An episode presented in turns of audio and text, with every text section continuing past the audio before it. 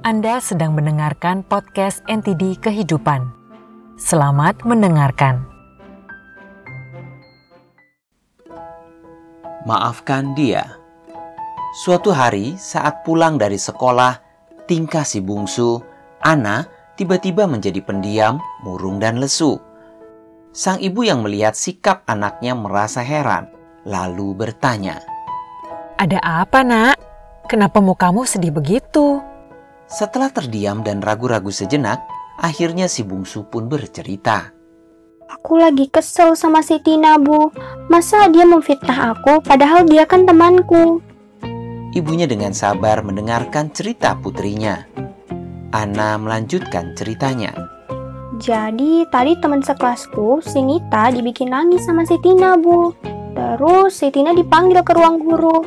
Eh, di sana dia bilang kalau aku yang ngajarin dia semua itu. Akhirnya aku sama Tina dikasih hukuman bersihin kelas hari ini, Bu. Si bungsu pun mulai menangis mengasihani dirinya sendiri. Ibu menghiburnya dan berpikir masalah ini akan segera selesai. Namun ternyata beberapa hari kemudian kasus itu masih berlanjut. Ana mengadu pada ibunya lagi dengan nada marah. Bu, nggak adil banget, Bu. Si Tina sekarang menyebarkan gosip kalau aku tukang fitnah. Terus teman-teman sekelas semuanya jadi musuhin aku. Malah mereka bilang aku harus minta maaf sama si Tina, Bu. Nggak adil, Bu. Aku nggak mau minta maaf sama Tina, kan dia yang salah. Ayahnya kali ini ikut mendengarkan. Dengan bijak, ayah berkata, Ana, pertengkaran sesama teman itu kadang memang terjadi. Ayah juga kadang-kadang bisa kok bertengkar sama ibu atau teman akrab ayah. Tapi jika kedua pihak sama-sama merasa benar, lalu bagaimana? Selamanya tidak bisa selesai kan? Salah satu pihak mesti mengalah baru bisa selesai. Jika kamu mengalah duluan, maka kamulah pemenangnya. Karena mengalah itu tidak mudah. Mengalah itu sangat susah.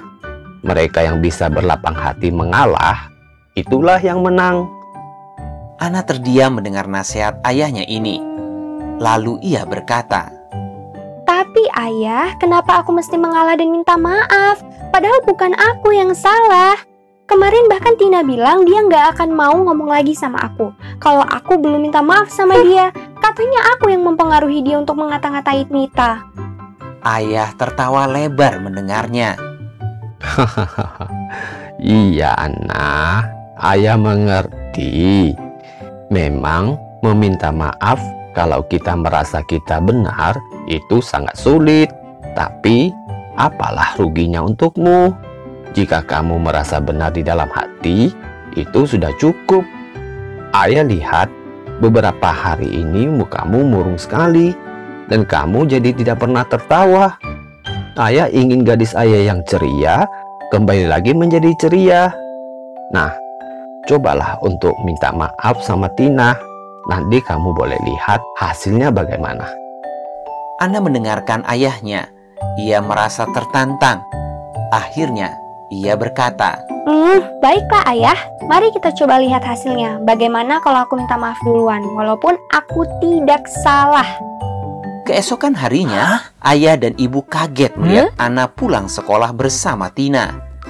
Mereka terlihat akrab dan tertawa-tawa. Ibu tersenyum pada Ana, lalu bertanya pada si bungsu. Hmm. Nah, Ana, coba ceritakan. Bagaimana hasilnya setelah kamu minta maaf sama Tina? Ayah dan ibu sudah tidak sabar mau dengar. Ana pun tersenyum pada ibu dan ayahnya. Ide ayah memang hebat.